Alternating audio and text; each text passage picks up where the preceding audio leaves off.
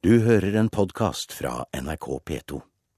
I dag ble legdommer Thomas Indrebrød erklært inhabil i rettssaken mot Anders Behring Breivik, fordi han skrev at det eneste rettferdige i saken er dødsstraff. Uttalelsen, som står på VG-nett, ble oppdaget av nettstedet vepsen.no. Jeg vil begynne dagen med å ta opp et habilitetsspørsmål i tilknytning til eh, meddommer Thomas Indrebø. Eh, retten ble i dag morges gjort kjent med eh, at han har kommet med en uttalelse eh, den 23. juli, hvor han har sagt at dødsstraff er det eneste rettferdige i denne saken. Det ble dramatikk i retten i dag allerede før Anders Behring Breivik startet på sin forklaring. Meddommer Thomas Indrebø ble erklært inhabil pga. en uttalelse han kom med på VG-nett den 23. juli i fjor. Under Facebook-kallenavnet Thomas Chikone skrev Indrebø at dødsstraff er det eneste rettferdige i denne saken. Uttalelsen ble oppdaget av journalist Tor Bach, som skriver for det antirasistiske nettstedet vepsen.no. Saken ble raskt plukket opp av andre medier. Indrebø erkjente tirsdag morgen og har kommet med uttalelsen. Eirin Venås Sivertsen eh, orienterte her. Berit eh, Skog, førsteamanuensis ved NTNU og forsker på sosiale medier. Hva syns du om at dommer, dommer Thomas Indrebø ble erklært inhabil pga. en uttalelse han har skrevet i en nettdebatt? Jeg syns jo det var svært spesielt eh, at dette ikke var oppdaga tidligere. Eh, og at en faktisk måtte utsette dag to med en halv time for å få avklart hans eh, habilitetsspørsmål. Men hvordan skulle de funnet ut tidligere?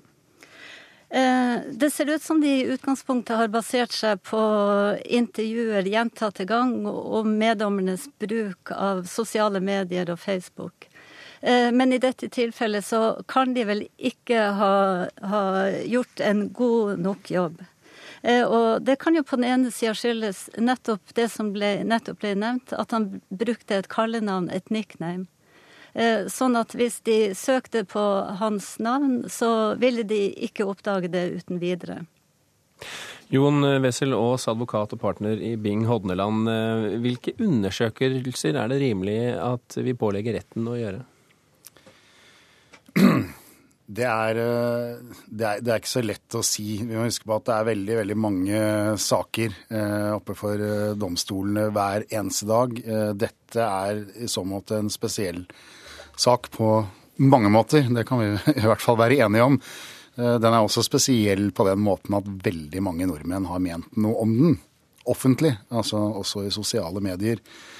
Eh, jeg, eh, jeg, vil ikke Jeg hører ikke til dem som vil kritisere domstolen for ikke å ha fått med seg akkurat dette nå. Eh, nettopp pga. det at det var brukt et pseudonym, da.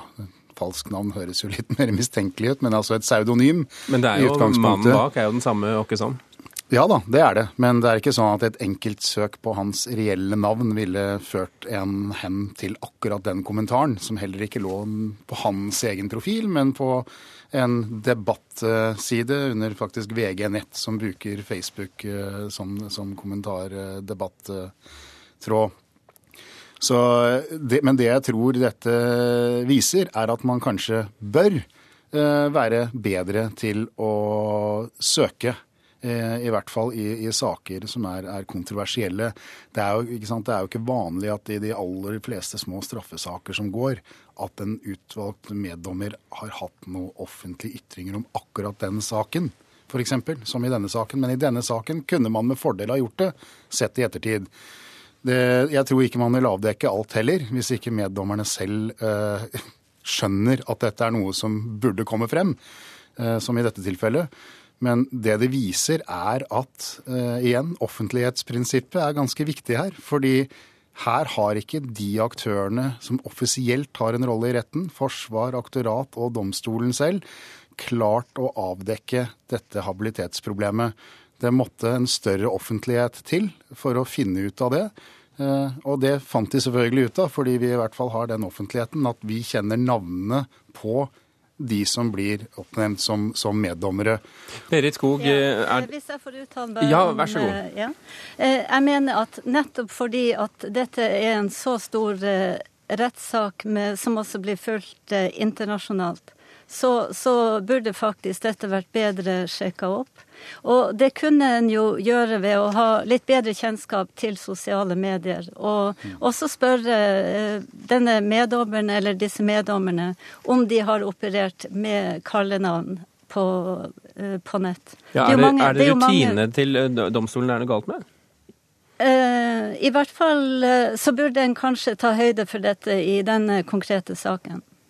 Men hva eh, ville det vært nok? Altså, Sosiale medier er jo, en krinkel, er jo krinkelkroker av, av steder hvor man kan gjemme seg og skjule seg hvis man vil. Vil ikke det være å stille for store krav til, til domstolene, Skog? Men på den andre sida så var dette faktisk en ytring på VG-nett som et eh, velkjent eh, debattforum. Eh, sånn at her er det svært enkelt å oppdage det, gitt at en har hans nickname. Og denne meldinga ligger faktisk fortsatt ute og er søkbar i Google, som er en kjent søkemotor. Men, men Skog, er det ikke noe OK, du rekker opp hånden, Ja. Veslås kan ta det Nei, først. jeg, jeg, altså, det er vanskelig å være uenig i at dette hadde vært mulig, og at man kanskje i en sånn sak, som er så betent, hvor man vet at veldig mange mennesker har ytret seg også ganske sterkt, eh, kanskje kunne ha vært mer profesjonelle. Men jeg tror ikke vi kan forvente at det skal søkes eh, aktivt fra domstolenes side hver gang man oppnevner meddommere i alle mulige offentlige fora. Eh, Da, verden har jo forandret seg. Før var det litt enklere. Det var omtrent i avisene eller eh, sant, på NRK at du kunne eh, ytre deg offentlig på den måten. Nå kan jo alle ytre seg i prinsippet offentlig overalt i alle mulige rare fora. Men jeg tror ikke domstolen heller skal gjøre søk i arkivene på papiravisene, altså på A-tekst.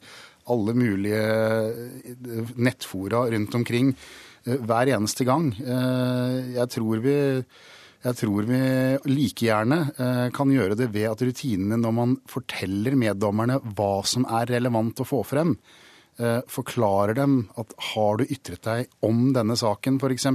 noe sted, f.eks. i sosiale medier, så er det viktig at det kommer frem. Eh, Da vil det i- verste fall så vil jo noen ikke oppgi det, selv om de vet at de har ytret seg. Jeg tror vi kan regne med at de fleste, hvis de blir fortalt hva som er relevant, vil få det frem selv. Berit eh, Men eh, Skog, jeg skal bare eh, replisere det at denne personen faktisk var spurt inngående om han hadde brukt sosiale medier.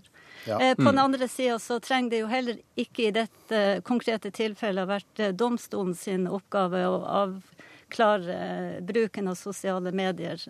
Eh, Hvem- det, kunne det være, det kunne jo være andre organer, f.eks. etterretningstjeneste eller politi. Eller. Men Berit Skog, ligger det ikke litt i sakens natur når vi snakker om sosiale medier, at eh, det er der eh, den, hva skal vi kalle det, den litt sånn mentale inkontinensen er? At folk babler ut saker og ting, og så tenker man ikke så veldig mye på det, og at det ikke er så veldig farlig? Dette er helt klart et viktig moment her, for den konkrete meldinga var jo lagt ut sikkert i affekt eh, 23. juli. Og eh, den, den viser jo også at en av og til ikke helt tenker over hva en eh, legger ut, og at kanskje også generelt at en tenker at en bare forholder seg til et nært eh, vennegjeng og en intern krets, og da er det ikke så farlig hva, hvilke statusoppdateringer som en synliggjør. Berit Skog og Jon Wessel-Aas, tusen hjertelig takk for at dere var med i Kulturnytt. Du har hørt en podkast fra NRK P2.